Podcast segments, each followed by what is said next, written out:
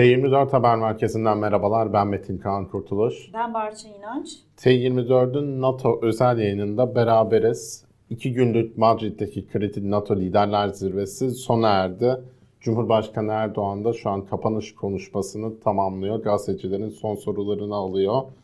Aslında zirve 29-30 Haziran'da ama bizim için yani Türk gazetecilerin ve dünyadaki gazetecilerin mesaisi 28'i gecesi başladı.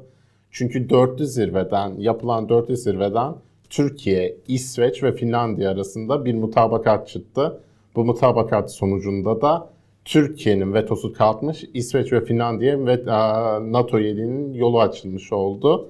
Bundan sonra ertesi gün orada sıcak bir ortam vardı. O gerilimli beklenen zirve kabut değiştirdi. Bununla ilgili bir video izleyerek başlayalım istiyoruz yayına.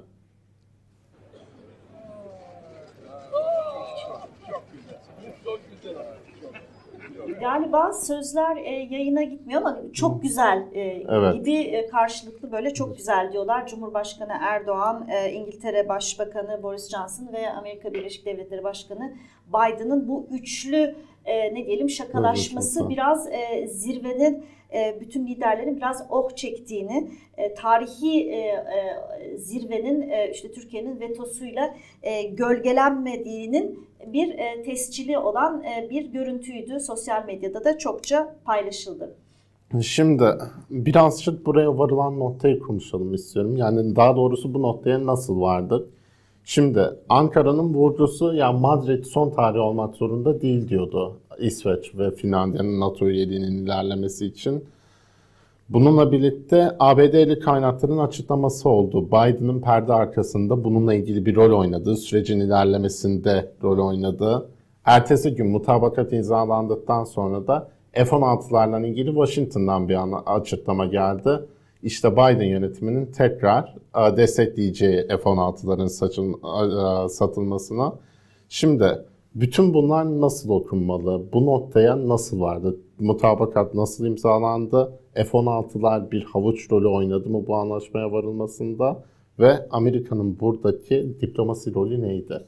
E, Amerika aslında en başta topa girmeyeceğini çok net bir şekilde Ankara'ya ifade etmişti. Özellikle sürecin başında Dışişleri Bakanı'nın New York'ta Biden e, Blinken'la yaptığı görüşmede e, net bir şekilde bu mesele İsveç'le Finlandiya ve sizin aranızda bir meseledir dedi. Ama elbette ki NATO Genel Sekreteri tabii önemli bir rol oynadı. Onun oynadığı rolü muhakkak altını çizmemiz lazım. Yine de Amerika Birleşik Devletleri gölgeden önemli bir rol oynadı diyebiliriz. Bunun da ilk işaretini ne zaman aldık?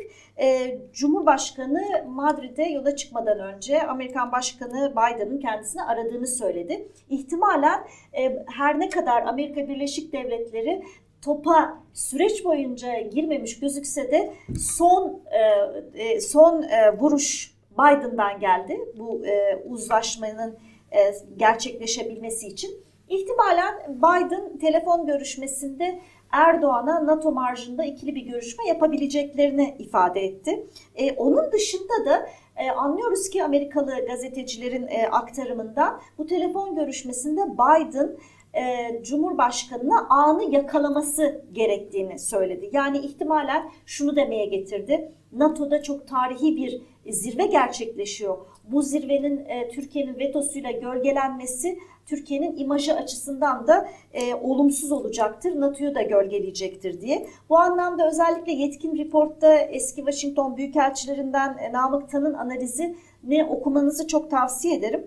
E, gerçekten perde arkasında e, yaşanmış e, olan olabileceklere dair e, iyi bir e, analiz e, yaz, yazmış durumda. Sonuç olarak bu telefon konuşması ve Biden'la olabilecek bir görüşme Türkiye'nin e, uzlaşmaya daha yakınlaşması için e, teşvik edici olduğunu düşünüyorum. Görüşmeler sürerken de ihtimalen Amerikan tarafı e, Türk tarafına eğer e, Türkiye'nin vetoyu kaldırmaması durumunda Biden-Erdoğan görüşmesinin tehlikeye düşebileceği mesajını vermiştir.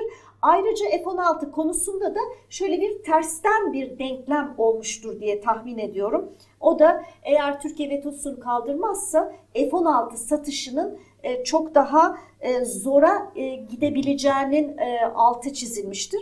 E, nitekim bugün e, NATO zirvesini takiben Amerikan Başkanı Biden yapmış olduğu görüşmede dedi ki evet F-16'lar konusunu görüştük ama bu bir hani siz vetoyu kaldırın biz de size F-16'ları veririz şeklinde gerçekleşmedi dedi. Elbet onun açısından bunu böyle söylemek durumundaydı. Sadece kongreden geçmesi gerektiğinin altını çizdim ama inanıyorum ki önümüzdeki dönem e, F-16'lar kongreden geçer diye düşünüyorum dedi. Sonuç olarak bence e, bir şekilde hem Erdoğan-Biden görüşmesi hem e, bu görüşmeye giderken ve bu görüşme sırasında F-16'larla ilgili verilen pozitif mesajların açıkçası uzlaşmayı kolaylaştırdığını düşünüyorum. Öte yandan üzerinde varılan e, mutabakat e, muhtırasının da aslında çok da küçümsenmemesi gerektiğini de düşünüyorum. Gerçekten NATO Genel Sekreteri ve üç ülkenin diplomatlarının da çok yoğun mesai harcadığı ortada tabii. Evet, mutabakat muhtırasını biraz daha konuşalım istiyorum. Şimdi muhtırayı sen de madde madde, ben de madde madde T24'teki yazılarımızda genişçe yazdık. O yüzden biraz daha farklı bir yerden bakalım istiyorum. Şimdi İki gündür özellikle iktidara yakın medyada mesela bunun çok büyük bir başarılı olduğuyla, diplomatik bir zafer olduğuyla ilgili yazılar görüyoruz. Türkiye'nin kazanımları açıkça var. Diğer tarafında ilan ettiği kazanımlar olabilir. Şimdi burada yapıcı mulatlık devreye giriyor dedin. Sen de birçok yazarda. Bunu da yani şöyle canlı canlı gördük biraz önce. Bugün Finlandiya Cumhurbaşkanı yaptığı açıklamada dedi ki yani işte YPG'ye biz e, insan yardımı sürdürebilecek şekilde ifadelendirdik. E, Cumhurbaşkanı Erdoğan da biraz önce açıklama yaptı. Dedi ki biz YPG konusunda istediklerimizi kağıda dökebildik. Şimdi burada şunu sormak istiyorum. Madde madde değerlendirmek yerine genel olarak baktığımızda kim ne kazandı bu anlaşmadan? Neler önümüze geliyor?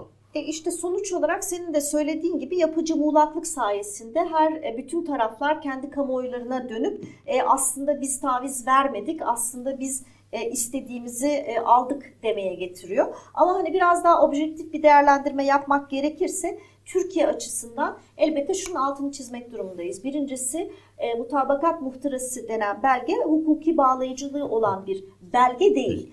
E, ama siyasi e, ağırlığı olan bir e, belge. Özellikle verilen sözlerin tutulması açısından Türkiye'nin her daim karşıtlarına, muhataplarına bu belgeyi masaya koyma imkanı veriyor yazılı bir belge olması. Türkiye açısından kazanım olarak görebileceğimiz bir şey e, YPG'nin ve FETÖ'nün e, belki de ilk kez bir uluslararası belgede e, içinde terörizm ifadesinin yer aldığı bir paragrafla aynı şekilde geçmesi, değinilmesi. Onun dışında bir başka mesele de elbette YPG ve FETÖ'nün bir Türkiye açısından bir ulusal güvenlik meselesi olarak görülmesi. Ee, şöyle e, söyleniyor, bir şunu şöyle anlatabiliriz açıkçası. Bir taraftan İsveç ve Finlandiya e, YPG'yi, FETÖ'yü belki bir terör örgütü olarak e, tanımlıyorlar. Ama şunu söylemeye getiriyorlar. Eğer FETÖ ve YPG Türkiye açısından bir ulusal güvenlik tehdidi ise biz Türkiye'ye ulusal güvenlik tehditlerini karşılamakta destek vereceğiz. Dolayısıyla bu örgütlere destek vermeyeceğiz diyorlar. Böyle bir dolaylı bir diplomatik e, yazım söz konusu. E, tabii bir başka belki altını çizeceğimiz e, nokta e, şu. YPG kendisini batıya e, e, meşru bir e, e, muhatap olarak yansıtmaya çalışıyor ben Suriye'de işte eli kanlı bir terör örgütü, İslamcı bir terör örgütü IŞİD'e karşı mücadele veriyorum. Seküler bir yapım var. İşte ön cephede e, kadın temsilciler var. Kendisini böyle pazarlamaya e, çalışırken e, bu metinde YPG'nin işte içinde terör ifadesinin yer aldığı bir paragrafla anılıyor olması e, ihtimalen YPG'nin ve tabii ki FETÖ'nün de e, meşruiyet arayışlarına e, bir e, darbe vuracaktır. Ama tabii ki e, önümüzdeki dönemin e, en belirleyici e, unsuru uygulama olacak. Uygulamada da önümüze çıkan en önemli konu e, bir niyet yani karşı tarafın niyetine, iki hukuki konular olacak tabii ki. Uygulama konusu önemli. Şimdi biraz önceki duyduklarımız bunu biraz daha detaylandırdı. Cumhurbaşkanı Erdoğan dedi ki İsveç 73 teröristi iade etme sözü verdi. Şimdi de tekrar bu soru Cumhurbaşkanı'na yöneltilmiş. Yani veto mu edilecek, bu nasıl kanıtlanacak diye. Haber merkezinden arkadaşım Melis Karaca da Cumhurbaşkanı Erdoğan'ın buna dair belgeler sunduğunu, yargı tarafından belgeler sunulduğunu söylediğini iletti. Şimdi burası önemli tabii. İsveç ve Finlandiya NATO'ya girmiş değil. Daha protokoller hazırlanacak. Parlamentolarda yani Türkiye'de TBMM'de mesela oylanacak bu protokoller. Erdoğan eğer talepler, garantiler yerine getirilmezse bu sürecin dondurulabileceğini, parlamentoya gönderilmeyebileceğini söyledi protokollerin. Uygulama sürecinden ne beklemeliyiz? Yani önümüzde bir denetim süreci olacak sanıyorum. Şimdi e, zannediyorum Cumhurbaşkanı Erdoğan demin basın toplantısını yaparken e, her hep herkesin ve bütün gazetecilerin birdenbire e, kafasının e, dikilmesine ve hani gözlerinin fal taşı gibi açılmasına neden olan bir açıklaması oldu. Senin dediğin gibi İsveç 73 teröristi bize iade edeceği sözünü verdi diye. Ve e, basın toplantısının devamında da sürekli gazeteciler bunun üzerine gittiler. Belgede böyle bir e, şey yer almıyor e, diye. E, bana kalırsa Cumhurbaşkanı her zaman olduğu gibi elini çok yüksekten açtı. Çünkü ben bu mutabakat belgesi imzalandıktan sonra uzmanlarla ve diplomatik kaynaklarla görüştüğümde aslında Türkiye'nin bugünden yarına e, İsveç'ten e, çok da fazla bir iade e, taleplerinin karşılanmasını e, beklemediklerini e, duymuştum. Çünkü bir kere Türkiye'de bir e, e, kamuoyu varsa İsveç'te de bir kamuoyu var. Kamuoyu bu konuda çok hassas ve İsveç 1 Eylül'de e, seçimlere gidiyor. E, belki iade olmasa da mutabakat belgesinde e, ayrıca sınır dışı e, ifadesi var. Yani deniyordu ki hani ola ki Türkiye'ye iade etme konusunda e, hukuki ya da e, siyasi e, sıkıntılar olursa o zaman en azından sınır dışı etme yoluna gidilebilir. Bir başka beklenti de Türk tarafı açısından e, gerek PKK'nın gerek YPG'nin gerekse e, FETÖ e, yanlılarının e, İsveç'te özellikle de İsveç'te rahat hareket e, alanı bulmamalarının sağlanması. Yani işte mesela bu kişilerin oturma izinlerinin yenilenmeyeceği, yenilenmemesi bir opsiyon olarak belirtiliyor. Yani bir şekilde bu kişilere yani Türkiye'nin şu şu şu şu şunlar şu kişiler dediği kişilere tırnak içinde böyle hayatın dar edilebileceği e, söyleniyor. Hadi sınır dışı etmediniz, hadi bize iade etmediniz ama en azından rahat hareket alanı bulmamaları gerekir. Örneğin rahat para toplamamaları, rahat e, insan devşirmemeleri gerekir diye aslında diplomatik düzeyde beklentiler daha gerçekçi tutulmuştu. Şimdi her zaman olduğu gibi Cumhurbaşkanı yine elini çok büyük açtı ve bütün dünyayı ve bütün Türk kamuoyunu 73 sayısının üzerinde odaklanmasına neden oldu. Şimdi hem İsveç'tekiler ve Finlandiya'daki bütün gazeteciler koştur koştur e, kendi liderlerine diyecekler ki siz bu 73 e, e, işte tırnak içinde teröristi iade edecek misiniz diye. E, bilemiyorum Cumhurbaşkanı'nın bilinçli bir baskı için bunu e, yaptığından çok emin değilim. Çünkü sonuç olarak belki biz bu 73 rakamını e, bulamayabiliriz. Sırf bu rakamı bulamadığımız için e, Türkiye, Finlandiya ve İsveç'i e, e, üyeliklerini meclise e, getirmeme e, adımını atar mı emin değilim ama bu bize gösteriyor ki önümüzdeki dönem yine krizli bir e, süreç olacağını tahmin ediyorum. Çünkü şunun da altını çizelim. E, bu e, Türkiye'nin terörist olarak belirttiği kişilerin e, Finlandiya ve İsveç'te onların kendi demokratik standartları çerçevesinde terörist tanımına uymamalı, uymayabiliyorlar. Yani e, bütün bu iade konularında e, özellikle sadece İsveç ve Finlandiya değil ama Türkiye'nin e, diğer Avrupa ülkelerinden e, yönelik yaptığı e, iade taleplerindeki en büyük sıkıntı e, Türkiye'nin hukuk sistemiyle Avrupa hukuk sisteminin örtüşmemesi. E, o nedenle de zaten mutabakat muhtırasına e, e, Finlandiya ve İsveç bütün bu iadelerin Avrupa İade Sözleşmesi'ne göre yapılacağını söylüyorlar. E, bu da bize şunu da bir taraftan söylüyor. E, ikide bir de Cumhurbaşkanı e, ve MHP Genel Başkanı işte Türkiye'ye idam cezasını geri getirelim diyorlar. Şimdi böyle bir söylemin olduğu ortamda elbette ki e, Avrupalı Türkiye'nin Avrupalı muhatapları iade konusunda çok daha e, e, dikkatli davranmak durumunda kalıyorlar. Evet kesinlikle. Yani dediğin gibi idam durumunda bu ülkelerin de başına iş açabilir böyle iadeler diyelim. Ve şimdi başka bir konuya geçelim. Çünkü dün akşam da aslında önemli bir toplantı vardı. ABD Başkanı Joe Biden'la AKP Genel Başkanı ve Cumhurbaşkanı Tayyip Erdoğan e, Madrid'de bir araya geldiler. Toplantı e, bir görüşme gerçekleştirdiler NATO zirvesi kapsamında. Şimdi bu görüşme bir saat 10 dakika sürdü. Sonrasında Türkiye Cumhuriyeti Cumhurbaşkanlığından bir açıklama yapılmadı konuyla ilgili olarak. Ve e, Beyaz Saray'dan bir açıklama gördük. Burada Ege ve Suriye'de istikrar vurgusu vardı. Ondan sonra Ukrayna işgaline karşı destek ve tahıl krizine çözüm vurgusu vardı. Öncesinde de Biden zaten teşekkür etti Erdoğan'a tahıl krizi çabalarından.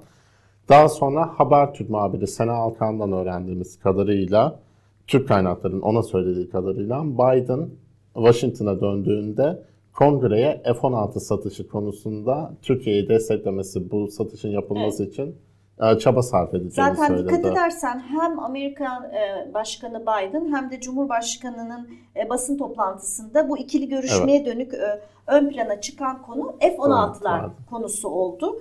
Anlıyoruz ki F-16 Türkiye'nin F-16 satın alması ve mevcut F-16'larının modernizasyonu talebi kongrede sunulacak ve Biden da herhalde kongreden bunu çıkartacağını ama işte cumhuriyetçilerle ilgili sıkıntılar olabileceğini söylemiş ki Cumhurbaşkanı önümüzdeki dönem e, bu konuyla ilgili olarak Washington'a anladığım kadarıyla yanlış duymadıysam basın toplantısında özellikle cumhuriyetçileri ikna etmeye dönük bir heyet e, göndereceğini söyledi.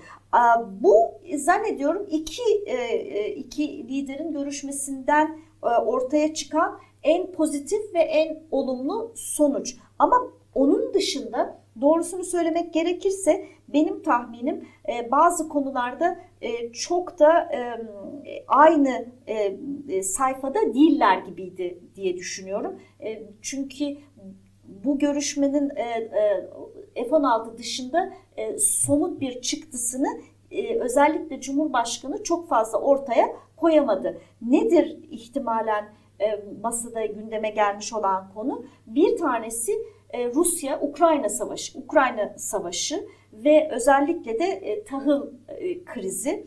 E, Türkiye e, Ukrayna savaşını e, bir an önce bitirilmesini istiyor. Bu anlamda da Rusya'ya aslında biraz da açık kapı bırakılmasını e, isterken e, başta Amerika Birleşik Devletleri olmak üzere NATO'daki bütün e, ülkeler Rusya'ya e, şu aşamada sertlikle yaklaşılmasından yana. O anlamda benim tahminim Cumhurbaşkanı Biden'dan özellikle Rusya'ya dönük tavırlar konusunda daha esneme e, payı alamadığını tahmin ediyorum. E, onun dışında tahıl krizi e, ile ilgili de e, Amerika'dan somut bir e, sinyal alınamamış olduğunu tahmin etmekteyim. Çünkü bu krizin aşılması için e, yapılan müzakerelerin bir önemli noktası da Rusya'nın talepleri. Cumhurbaşkanı bunu sürekli gündeme getiriyor. Diyor ki evet Ukrayna'nın tahılını e, bizim e, e, uluslararası pazarlara ulaştırmamız gerekiyor.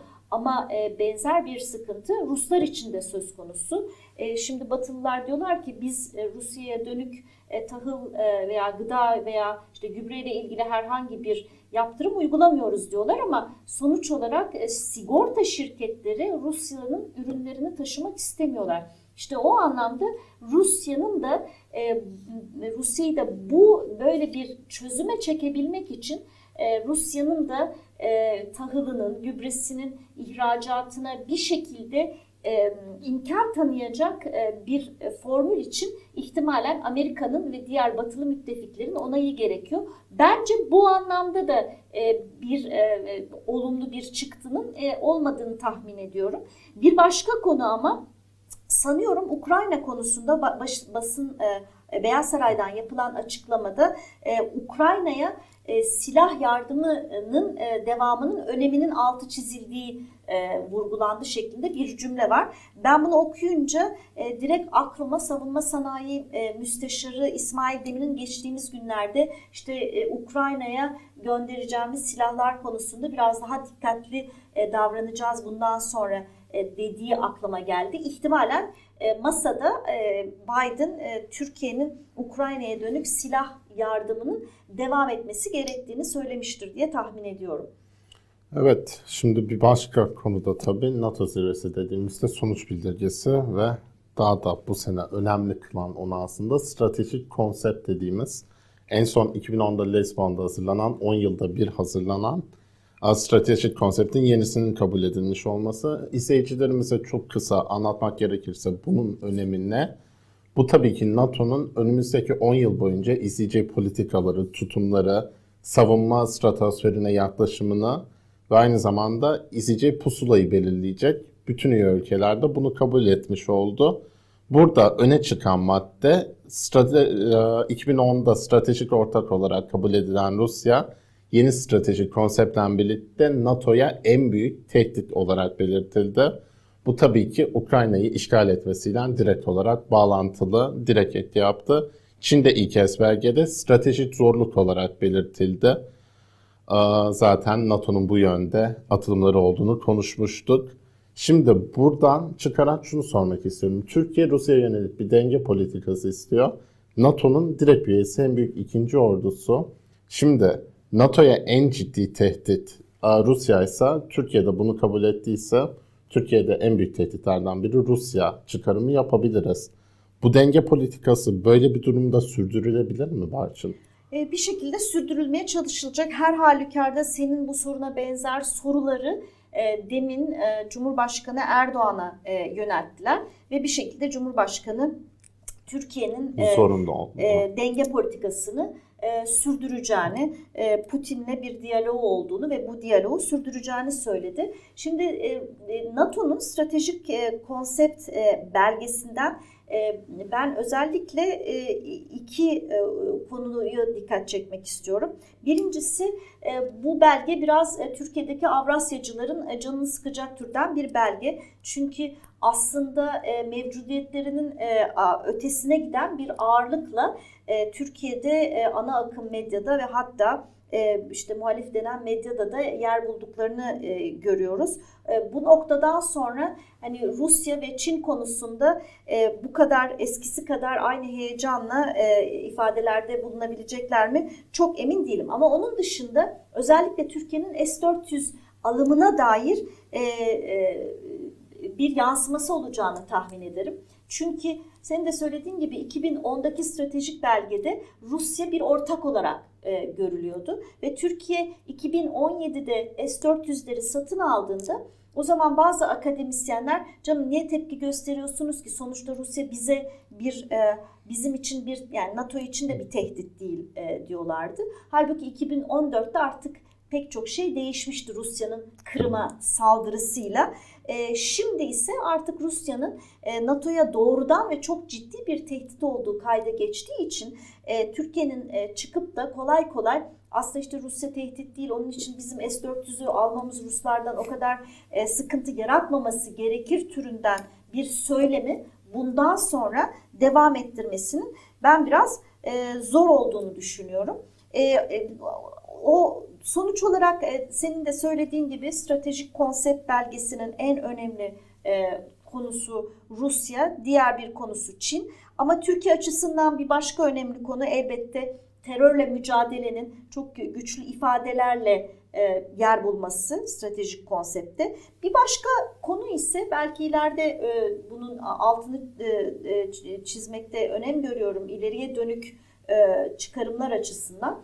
O da stratejik konsepte Avrupa Birliği ile NATO arasındaki işbirliğinin e, çok e, güçlü ifadelerle e, yer almadığını söyleyebilirim. En azından belki özellikle Fransızların veya Avrupa Birliği ile NATO'nun çok daha yakın işbirliğinde olması gerektiğini savunanlar açısından ve üstelik de özellikle Ankara'nın endişelerinin de e, e, kayda alındığını e, görüyorum. Çünkü deniyor ki özellikle Avrupa Birliği üyesi olmayan ülkelerin muhakkak e, endişelerinin e, e, dikkate alınması gerekir deniyor stratejik konsepte. O açıdan önemli tabii. Şimdi renkli bir video açtık. Kapanışa doğru da tekrar bir renkli bir videoya bakalım isterim. Şimdi bu tür zirveleri ilginç kılan şeylerden biri de dünyanın en güçlü insanlarını birbiriyle temas ederken, interakte ederken görüyoruz. Ve genelde bu insanlar çok ciddi bir sürattan dolaşıyor etrafta tabii. Tabii buna Britanya Başbakanı Boris Johnson dahil değil. Şimdi ekranınıza bir görüntü gelecek. Cumhurbaşkanı Erdoğan zirvenin yapıldığı salona girdikten sonra Boris Johnson'ı bir anda şaşırtıyor omzuna elini atarak. Johnson da abartılı bir tepkiden ne uğradığını şaşırıyor bir an sanıyorum. Evet basın toplantısında da aslında ilginç bir şekilde e, Cumhurbaşkanı'na şu soru yöneltildi. Hani siz hala Rusya ile bir e, diyalog kapısının açık olmasını bekliyorsunuz ama misal İngiltere e, Başbakanı hı hı. Boris Johnson Rusya'ya çok daha sertlik e, yanlısı diye. Cumhurbaşkanı da işte dedi ki her yiğidin bir e, yoğurt yiyişi vardır dedi. İngilizce ee, çevrilmesini de e, istedim. Aslında bu anlamda İngiliz diplomasisine e, bir şapka çıkarmak gerekiyor. Çünkü gerçekten özellikle mesela Rusya konusunda bu kadar e, daha farklı düşünüyor olmalarına rağmen Cumhurbaşkanı e, Boris Johnson'la e, belli bir diyaloğu koruyabilmiş durumda. Tabii bu basın toplantısında yine bizleri biraz şaşırtan bir takım ifadeleri oldu. İşte dedi ki mesela siyaset kavga gürültü işi değildir. İşte önemli olan dost kazanmaktır dedi. Fakat genellikle kullandığı uslup ee, özellikle yurt dışında, yurt dışındaki uluslararası politikalarla ilgili kullandığı e, uslup tam tersine kavgadan beslenen bir uslubu varken basın toplantısında e, işte siyaset kavga gürültü işi değildir demesi e, enteresandı. Yine e, basın toplantısında kendisini e, işte denil e, Biden'ın kendisine dönük olumsuz ifadeleri hatırlatıldı. E, yine e, dedi ki işte siyaset dün dündür, e, dün dündür bugün bugündür. Süleyman e, Demirel atıfı sanırım. At, evet e, ve işte e, sonuç olarak e, e, geçmişte kendisi de e, tırnak içinde Biden'dan yüz bulamadığında e, kendisi hakkında olumsuz ifadeler kullanırken bugün gördüğümüz kadarıyla Biden yeniden Sayın Biden e, statüsüne e, yine e, geri gelmiş e, durumda. E, ama hani bir e, sonuç olarak şunu şunu söyleyip belki e, kapatabiliriz. E, Cumhurbaşkanı e, bu süreci e, çok bambaşka bir şekilde e, yönetebilirdi. E, ortaya çıkan mutabakat belgesi e, e, bir bazı kazanımları içermekle beraber önümüzdeki dönemde uygulanıp uygulanamayacağı büyük bir e, soru işareti. Özellikle de İsveç ve Finlandiya bir şekilde üye olduktan sonra bu verdikleri sözleri ne oranda yerine getirebilecekler? E, yerine getirmek isteseler de kendi hukuk sistemleri izin verebilir mi? Bunlar büyük soru işaretleri. Ama görünen o ki e, Cumhurbaşkanı en başından e, işte 73 tane teröristi bize iade etme sözü verdiler diyerek elini o kadar yüksekten açtı ve beklentiyi o kadar yükseğe çıkardı ki e, bir kere ihtimalen Finlandiya ve İsveç NATO'ya e, üyelikleri parlamentodan geçmeden bir rahat nefes alamayacaklar e, ve önümüzdeki dönem biz bu konuyu konuşmaya devam edeceğiz. Önümüzdeki dönem demişken programı kapamadan önce kısaca biraderimize de bakalım. İki önemli maddemiz var. Öncelikle 1 Temmuz'da Viyana'da bir görüşme yapılacak. Çok yakından takip ettiğimiz Ermenistan'la Türkiye arasındaki normalleşme sürecinin dördüncü toplantısı. Bu toplantıyı Ermenistan'la Türkiye'nin özel temsilcileri bu süreç için atanan yürütecek. bu toplantıyı önümüzdeki hafta konuşacağız. Önemli bir başka gelişme 5 Temmuz'da İtalya Başbakanı Draghi Türkiye'ye geliyor. Avrupa Birliği'nin önemli ülkelerinden e, diplomatik konularda da İtalya ile Türkiye'nin Akdeniz ve enerji konusunda önemli temasları olacaktır. Takipçisi olacağız. NATO özel yayını yaptık bugün. NATO zirvesine onun hemen öncesinde imzalanan mutabakatı Biden'la Erdoğan arasındaki görüşmelerin ve bizim iki gazeteci olarak ağımıza takılanları size aktarmaya, değerlendirmeye çalıştık. Bir sonraki yayında görüşmek üzere. Teşekkürler.